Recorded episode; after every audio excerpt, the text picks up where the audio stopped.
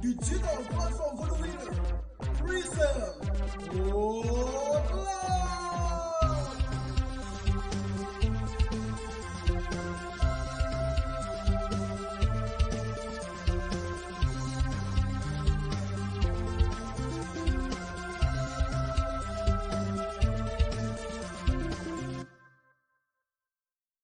Shalom teman-teman. Shalom, yeay. Semangat terus Sore, nih. Jumpa lagi. Masih on fire ya kak, semangat tahun barunya masih ada. Di nih. atas api, di atas api. On, on fire kan, on Boleh, fire. boleh, boleh. Iya, iya. Jumpa lagi nih teman-teman di Potluck. Yeah. Nah, di episode kedua kita di tahun ini, kita masih mau lanjutin nih resolusi, eh, pembicaraan resolusi kita di yang episode sebelumnya. Iya, kemarin ada- tuh ada tertunda ya pertanyaannya ya, ya, karena waktu ya. heeh. Masih itu di continue tuh kemarin. Gimana kalau kita continue sekarang kak? Boleh, kita panggilkan narasumber kita. Om Ipung, ye ye ye ye. Halo, shalom, shalom, shalom, shalom semuanya. Kayak dejavu ya, kayak udah ada gitu. Kayaknya belum lama gitu ya. Tapi memang ini waktu terus berjalan sangat cepat sekali ya, Pak Ipung ya. Iya, iya. Nah, betul, betul, betul. Ya, Pak Ipung, kita mau melanjutkan nih eh, apa namanya Oh iya, pembahasan kita mengenai resolusi eh, beberapa saat lalu ya, Pak ya. Jadi yang Iya, lalu iya. kan kita udah define apa itu resolusi, terus kemudian eh, penting nggak sih resolusi, fungsi resolusi itu apa sih, terus kemudian eh, langkah-langkah untuk buat resolusi itu seperti apa gitu ya, Pak ya. Pak, kemarin juga Pak Ipeng juga sempat share mengenai pengalaman-pengalaman pribadinya juga gitu ya. Nah, mungkin kali ini kita mau lanjutin aja Jess ya dengan uh, pertanyaan-pertanyaan selanjutnya mengenai resolusi nih karena mungkin buat teman-teman potluckers nih uh, masih penasaran nih ada beberapa hal yang mau ditanyakan. Yuk, silakan Jess. Boleh. Eh, terus kemarin kan Om kita sampai pada eh, langkah-langkah ya, kalau di teks kan itu pertanyaan nomor lima ya Om. Iya, iya, iya. Nah, kebetulan eh, kita boleh kali Om ngomongin sebenarnya em, aspek hidup apa sih yang perlu eh, secara general ya kalau setiap orang kan beda-beda ya Om. Secara spesifik Iya. kan mungkin beda-beda nih kebutuhan masalah hidupnya masing-masing gitu ya. Cuma secara Iya. general sebenarnya komponen aspek apa sih yang penting eh, untuk eh, paling nggak orang yang mau mulai resolusi ini bisa mulai dari sini dulu nih karena ini basic dan sangat general banget gitu Om. Yang harus Iya. ada. Iya. Jadi eh kalau kayak seperti yang kemarin saya sampaikan dan sudah di summary oleh Busu kemarin ya tentang komponen atau tentang apa resolusi, bagaimana cara membuat res- resolusi yang dimulai dari SWOT, terus kemudian SMART, masih ingat ya? Kemudian eh, ada evaluasi, kemudian jangan lupa untuk sharing dan celebrate itu itu eh, aspek-aspek yang harus dilakukan dalam sebuah resolusi. Jadi kalau tadi pertanyaannya eh, apa tadi? Jadi bagaimana apakah resolusi apa sebaiknya resolusi yang dibuat gitu ya? Ya, misalnya aspek hidup, eh, eh, aspek keuangan atau aspek pekerjaan Ya. gitu, atau aspek hubungan. Ya, gitu. jadi betul, betul. Jadi aspek-aspek apa yang mau diambil dalam sebuah resolusi. Jadi itu tadi yang saya sampaikan dalam langkah-langkah itu, itu kan nantinya jadi membuat kita bisa menentukan prioritas dalam hidup ini kan. Akhirnya priority apa? Nah ini ini yang setiap orang akan eh, berbeda-beda begitu. Jadi prioritas apa nih yang saya mau dahulukan nih? Karena kadang-kadang kita nggak bisa, kita banyak keinginan, kita punya banyak kerinduan, tapi kadang-kadang kita nggak bisa mencapai atau meraih kerinduan tersebut bersama-sama. Jadi ad- sehingga dengan dengan kita lebih menguasai apa mengevaluasi diri, kita jadi juga punya prioritas dalam hidup ini. Jadi mana dulu nih yang harus saya raih. Nah itu tadi kalau kita tahu begitu, akhirnya biasanya nih biasanya itu ujung-ujungnya the power of kepepet itu yang akan menjadi pilihan. Mana yang kepepet duluan itu yang akan menjadi pilihan. Jadi eh, akan menjadi pilihan sehingga itu biasanya yang akan diraih duluan. Mengenai aspek keuangan, mau aspek kesehatan, mana yang duluan sebetulnya semua penting begitu. Hmm. Semuanya penting. Uh, uang juga penting, kesehatan juga penting, apalagi uh, segala sesuatu semuanya penting. Tapi kalau dalam prioritas kan kita jadi jadi settingnya uh, mana yang dahulu nih saat ini. Kalau bisa langsung bersama-sama semua bagus. Uh, yeah. Kalau misal misalkan diparalelkan bagus. Uh, hmm. Apa namanya kayak artis. Artis itu kan kerjaannya kayak paralel hobi dapat duit gitu kan. ya, nah, ya, ya. itu kalau kalau kalau bisa begitu sih puji Tuhan.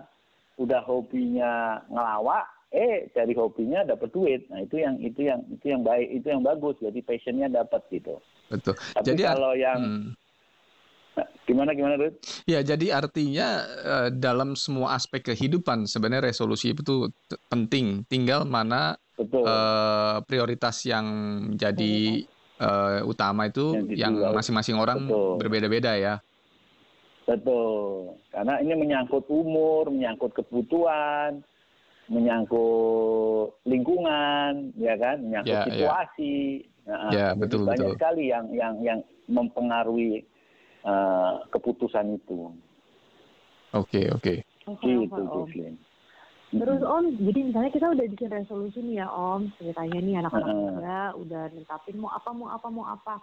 Terus berjalannya waktu, terus di tengah keterbatasan di saat-saat seperti sekarang ini, uh, pada akhirnya nanti ternyata udah pertengahan tahun nih misalnya, ternyata resolusi kita tuh uh, banyak yang nggak terjadi yang yang kayaknya kita malah jauh gitu dari resolusi yang awal kita buat. Nah, terus akhirnya kita jadi kecewa. Sebenarnya itu hal yang wajar atau gimana gitu Om? Iya, sangat-sangat wajar, sangat-sangat wajar karena makanya kalau dalam membuat resolusi itu dari awal kita harus sadar hal itu.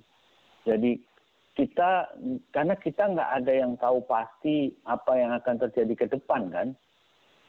Nah, yeah, jadi yeah. kita harus kita nggak tahu nggak tahu pasti kita nggak ada yang tahu yeah, iya, uh, apa yang terjadi di depan kita gitu. Jadi kita benar-benar harus siap untuk untuk sebuah perubahan apabila uh, sebuah resolusi itu tidak jalan atau di adjust atau harus di adjust itu itu uh, harusnya sih nggak boleh istilahnya kecewa atau apa.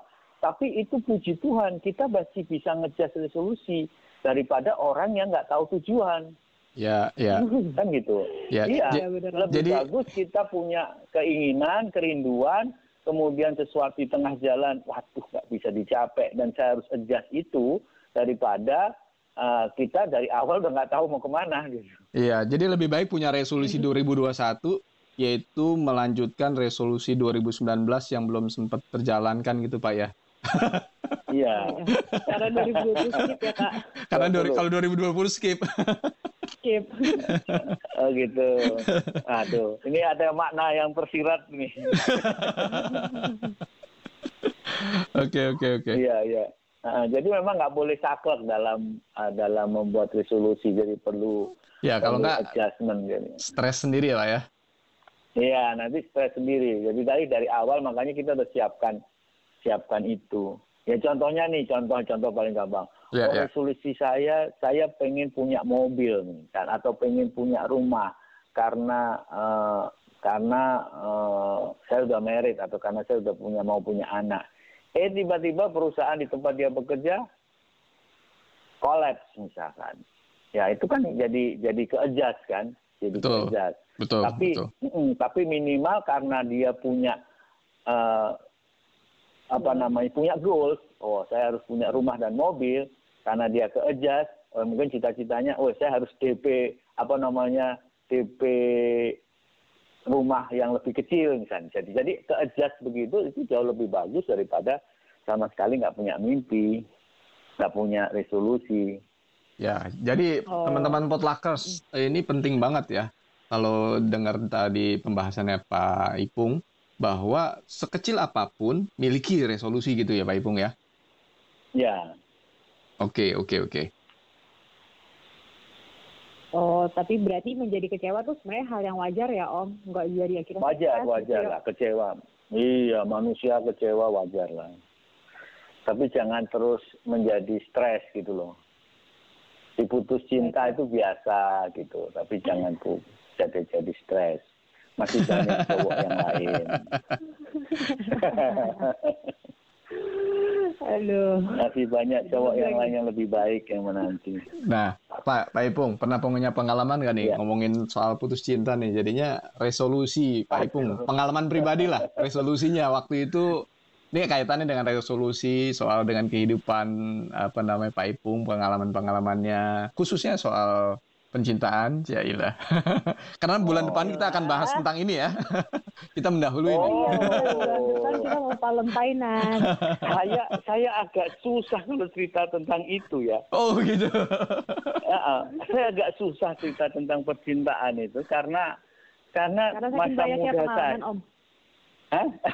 Karena saking banyaknya masa muda bingung. saya gini, masa muda saya itu saya nggak tahu ya kenapa ya. Saya itu punya prinsip dari muda itu, padahal belum ada yang ngajarin gitu. Saya punya prinsip temen banyak, temen cewek banyak, tapi nanti pokoknya kalau sudah istilahnya pacaran tuh kalau udah mau nikah aja gitu. Wah, mantap. Wow. itu Oh, itu nggak tahu dari mana pokoknya saya begitu jadi jadi kalau boleh ditanya gitu nggak ada kalau ditelusurin gitu saya nggak ada wanita yang tersakiti saya gitu Asik. Seandainya semua pria seperti ini ya Om. karena Oh. karena saya, saya pokoknya kalau sudah mau eh, nikah baru saya mau pacaran istilah saya begitu keputusan hidup saya dari dulu Jadi nggak wasting time ya, Pak ya? Ah, tapi temen cewek banyak gitu loh ya nonton lah apa itu kan cuman ya tapi kan saya nggak menyatakan I love you istilahnya. Ya, nggak ada komitmen karena khusus lah. saya nggak ada komitmen ya nonton main ya, misalkan nonton film itu kan biasa ya namanya berteman gitu. Jadi makanya kalau ditanya tentang resolusi cinta saya agak- susah jawabnya. Tapi waktu itu punya target nggak, Pak? Misalkan contoh, oh saya umur sekian, saya harus eh, Nah, begini, itu- gitu. Nah, iya, jadi target itu muncul waktu itu. Nah, ini ini sekali lagi, waktu itu munculnya targetnya itu tahun 3 tahun 98-an lah. Saya pikir Ya, tahun karena 1930-an. Saya lahir saya saya lahir 68, Oke. jadi nggak tahu kenapa, heeh, waktu masuk usia 30 itu ibu kan udah mulai nanya-nanya tuh. Ah, Uh, Bung, lu kapan lu kapan gitu kan. nah, itu the power of Ya itu tadi, Pak ya. Nah, the power of kepepet akhirnya jadi saya berdoa akhirnya oke deh. Kayaknya sudah harus memilih nih gitu. Baru saya melakukan itu, melakukan yang lebih serius untuk berdoa dan akhirnya tunjukkan uh, Boru Kultom ini gitu. Oke, mantap. Mm-mm. Ya, jadi potluckers Dan- ini jadi ini saya orangnya to the point saya. to the point, Pak ya, langsung ya. iya, iya. Nggak bilang-bilang lagi mau jadi pacar atau nggak mau jadi istri nggak gitu ya. Nah, karena, karena kondisi saya waktu itu ya saya posisinya kan orang Kediri ya di Jawa Timur. Iya. Sementara waktu itu posisi saya sedang di Medan. Hmm. Di Medan itu, uh, uh, di Medan itu saya mi- mimpi Medan aja dulu nggak pernah. Hmm. Mimpi Medan aja nggak pernah saya. Cuma saudara di Medan juga nggak ada. Jadi 96 saya dikirim ke Medan sama perusahaan. Tugas di Medan dari 96. Nah, masuk 98 itulah saya ada dorongan batin begitu. saya sudah harus menikah nih. Nah, saya coba berdoa, saya hubungin sampai ya teman-teman teman-teman lama, teman-teman yang wanita ya, bukan teman cowok ya. Sambil cari greng gitu, jadi sambil cari istilahnya chemistry begitu. Nah, akhirnya eh chemistry-nya kayaknya lebih cocok yang di Medan, ya sudah. Saya jadikan yang di Medan gitu aja. Ya, Puji ya. Tuhan sampai sekarang. Ada sengatan-sengatan gitu lah ya, Pak ya. Ya doa ya, sih doa ada ada pengalaman ada pengalaman doanya juga jadi Iya. saya itu berdoa gitu terus biasanya kalau dulu saya itu berdoa terus mim- mimpikan seseorang itu uh, pasti saya hubungin orang itu dan biasanya orang tersebut sedang punya masalah gitu. Hmm. Nah pada waktu itu saya sedang mendoakan istri saya ini, eh pas mimpi saya telepon dia, saya ajak ngobrol nggak ada masalah. Apakah ini petunjuk dari Tuhan? Saya doakan lagi ya sudah, kayaknya iya deh gitu ya udah saya tembung aja langsung, udah nggak banyak ngomong. Mantap. Akhirnya 99 akhir menikah, 99 Maret menikah. Oke, oke. Nah, Om, itu masalah percintaan. Eh, Ya. Lalu kemudian kalau di dalam sisi pengalaman di pekerjaan, Om, pernah punya, let's Ya. say, resolusi umur sekian saya harus kerja, umur sekian saya harus jadi manajer, umur Nah. sekian saya harus punya ini dan segala macam. Punya pengalaman gini, Iya, itu Om? Ya, itu itu itu pasti itu. Kalau resolusi kalau di dalam pekerjaan resolusi itu menjadi suatu bagian yang pasti ya. Karena karena kita bersaing, karena kita bersaing dan kita ada goals gitu. Jadi saya harus capek ini target. Ya, caranya nyampe target gimana? Saya harus begini memperbaiki hubungan dengan tim. Nah, itu selalu ada sih sebetulnya kalau untuk kaitannya sama pekerjaan sebetulnya lebih ke sifatnya eh, ya manajerial ya sifatnya Hmm. lebih ke manajemen lah ha-ha. tapi kalau dalam pekerjaan eh, selalu ada lah target paling nggak saya harus dua tahun eh, jadi eh, district manager dua tahun atau tiga tahun jadi national sales manager gitu Kalau Tapi waktu puji awal, Tuhannya itu waktu awal, Om, hmm, waktu awal Nah. pada saat selesai kuliah gitu, Kuliah. ya terus lalu Nah, kemudian, itu kalau Mm. Ka- Kalau selesai kuliah, saya lucu, jangan dicontoh ya. Saya itu waktu selesai kuliah, resolusi saya salah. Saya Oke. ingin satu tahun main-main. Oh, Oke. Jangan ngasilin uang ya, Om. Sa- Saya bandel saya. Jadi eh, waktu itu karena eh, karena itu eh, sehingga orang tua saya agak sedikit marah. Akhirnya bilang sama adiknya, om saya, wes bawaan aja ke Jakarta itu katanya. Karena saya satu tahun itu main aja ke sana kemari, nggak mau nyari kerja. ya, jadi Karena, karena habis kuliah. Nah, tapi pada waktu, nah mulai dikirim ke Jakarta, disuruh tinggal sama Om, nah di situlah saya mulai otak saya mulai terbuka dan saya mulai saya harus bulan depan harus atau tahun ini harus dapat pekerjaan. Tahun ini pekerjaan apa pun saya ambil gitu. Dan puji Tuhan dari situ mulai terus terbuka. Mulai Hmm. dari sales credit card sampai terakhir akhirnya jadi ya kerja terus lah akhirnya. ya, ya. Mm. Oke, Jadi oke. le- lebih ke the power of kepepet sih akhirnya. Rata-rata semua Hmm. dari pengalaman Om the power of kepepet ya, Om. Iya. Jadi akhirnya menyemangati dirinya, wah ini saya umur sekian nggak kerja-kerja ini, Wah, akhirnya gitu. Ah, Jadi akhirnya menjadi menentukan prioritas. Nah ini mungkin penting juga nih Om.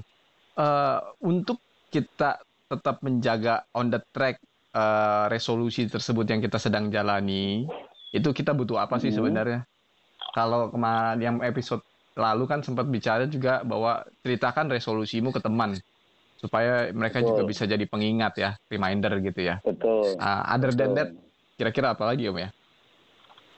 Iya, jadi sharing dengan teman itu akan banyak membantu eh, kita untuk selalu mengingatkan dan mengevaluasi eh, apa yang sudah menjaga itu. Tapi ya itu tadi untuk menjaga semangat ya, itu tadi pertanyaannya kan ya Ruth ya.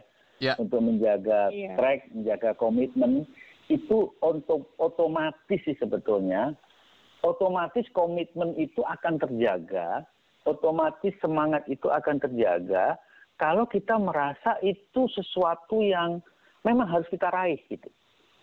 Kalau merasa itu penting gitu ya. Nah, itu, itu merasa penting, automatically saya yakin Oke. itu pasti akan dilakukan, ya. Dan ini kan kita belajar tentang integritas ya. Kalau tahun ini eh, Ya, ya. Pak Niko ngajarin Hmm. tahun integritas. Nah, otomatis ini akan juga menjadi kita ini mau dibilang orang berintegritas atau tidak gitu. Ya, ya. Itu aja patokannya. Jadi kalau kita sudah sharing sama teman kita nih, eh kawan, saya mau nurunin berat badan saya 10 kilo misalkan. Terus dilihat temennya, wah makannya masih luar biasa. Nah, Jadi kan teman saya, temennya bisa bilang, ah lu nggak berintegritas lu, Oh, nggak itu komitmen lu kan saya, begitu. saya sering sih tuh Om lihat teman saya gitu tuh. Oh iya, saya mau diet nih. Hmm. Sorry, saya lagi Nah. diet gitu. Uh-huh. Tapi yang selalu Nah. saya ketemuin itu pas dia lagi ngemil, lagi ngemil, Berarti ngem- belum Dietnya mulai berintegritas. besok kali kak. ngemilnya itu lontong gitu ya. Eh, Pizza gitu ya, ngemilnya. di rumah saya juga ada itu. Tapi abis itu ngomong, eh, jangan ganggu, saya lagi diet gitu kan. Nah, betul, betul. Saya lagi stres nih, banyak tugas nih kan. Iya. Saya perlu tenaga nih, saya perlu tenaga nih untuk menyelesaikan deadline ini nih. Gitu. saya, saya butuh asupan gula gitu. Nah, saya perlu, saya perlu energi nih, saya perlu energi. Iya, iya, iya. Jadi memang jadi artinya kalau dia masih ngomong begitu, jadi dia masih masih merasa sebetulnya itu bukan bukan prioritas dia sebetulnya. Utama. Tapi kalau dia merasa itu prioritas dia, saya punya uh, anaknya teman saya juga uh, merasa itu prioritas dia, dia benar-benar itu jaga itu sampai sampai benar-benar lah. Uh, ah ini kadang-kadang gini lucu nih kemarin saya diceritain sama orang tuanya. Si anak ini mau jalan-jalan ke Bali, gitu kan? Prioritas dia mau jalan-jalan ke Bali. Nah, Hmm. Terny- terus kemudian dia diet. Ternyata dia punya mimpi nanti kalau ke Bali dia foto-foto pakai baju yang agak ketat sehingga biar kelihatan langsing.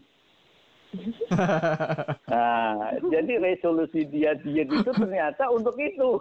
Oke, Instagramable. Nah, supaya Instagramable gitu loh. Jadi supaya dia bisa lebih proporsional lagi Iya, iya, antara iya. tinggi dan beratnya. Nah, jadi, jadi sekali lagi ya kalau kita punya goals, kalau kita punya dream yang benar-benar itu menjadi keluar dari hati dan dari perenungan suatu Mhm. prioritas itu, saya yakin dan percaya komitmen pasti akan terjadi. Oke, ini ini bagus nih potluckers. Komitmen tuh selalu akan berjalan beriringan ketika kamu ngerti penting atau enggak apa yang kamu sedang jalani Iya. itu. Gitu ya, Pak ya? Mm-mm.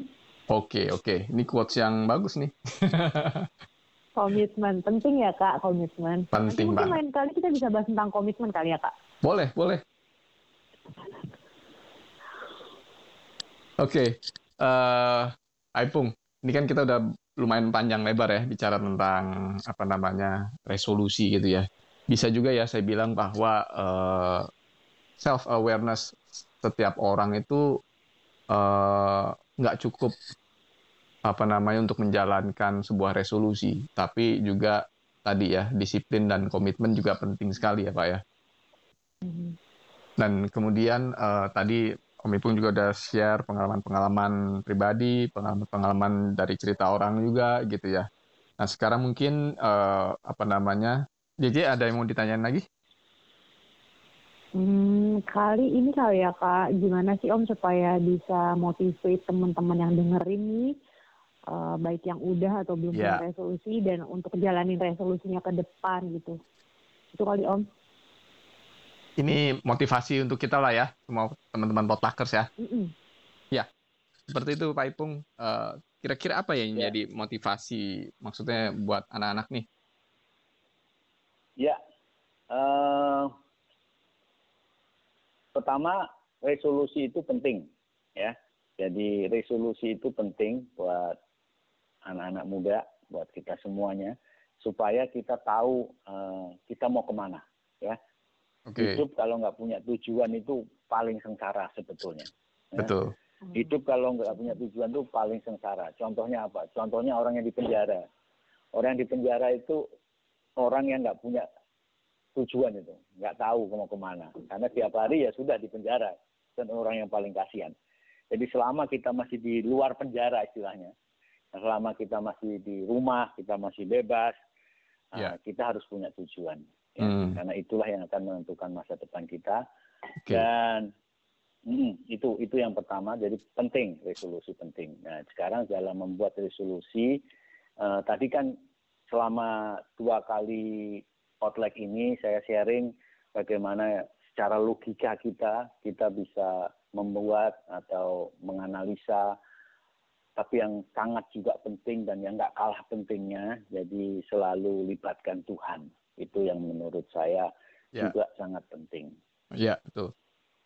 Mm-mm. karena seperti yang di Matius 6 ayat 33 ya Matius 6 ayat 33 carilah dahulu Dari kerajaan kerajaan Allah dan kebenarannya maka semuanya akan ditambahkan Yes, Jadi- amen. Eh, pengalaman hidup saya juga begitu.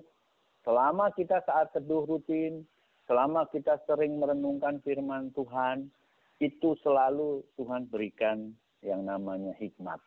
Tuhan kasihkan ide-ide, Tuhan kasihkan pengertian-pengertian. Bukan hanya masalah pengertian-pengertian firman, tapi juga pengertian-pengertian eh, dalam hidup ini, ya. Makanya Tuhan bilang kita itu dikirim di tengah-tengah dunia ini seperti domba di tengah serigala. Ya. Kita perlu dua. Kita perlu cerdik, tapi kita juga perlu tulus. Jadi artinya cerdik itu hikmat yang bisa kita dapatkan dari belajar dan Ya. pengalaman hidup. Tapi yang kedua kita juga perlu tulus. Tulus itu bisa didapatkan hanya saat kita dekat dengan Tuhan. Jadi dalam membuat resolusi yang nggak kalah pentingnya libatkan Tuhan, meminta Amin. hikmat Tuhan. Ya. Itu, Oke, itu Rudi. mantap.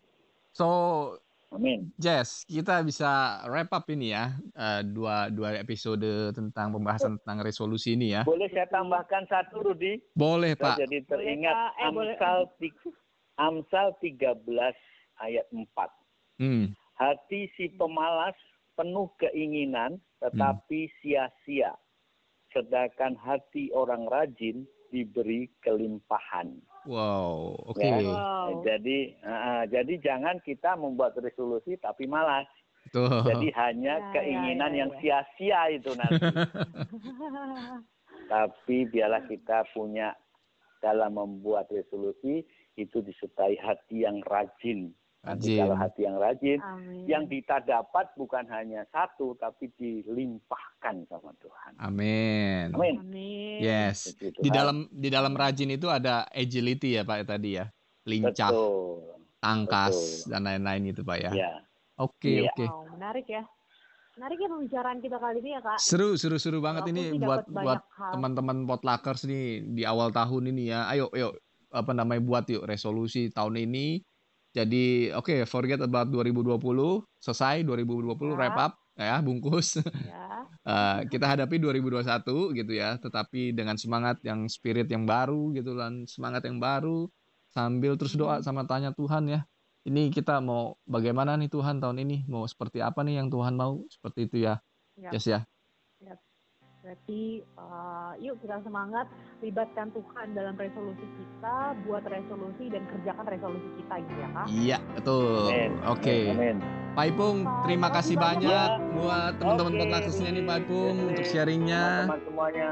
Ya, Tuhan Yesus memberkati. bungkusan, Om. Ya, Sama-sama Tuhan berkati. Salam sehat.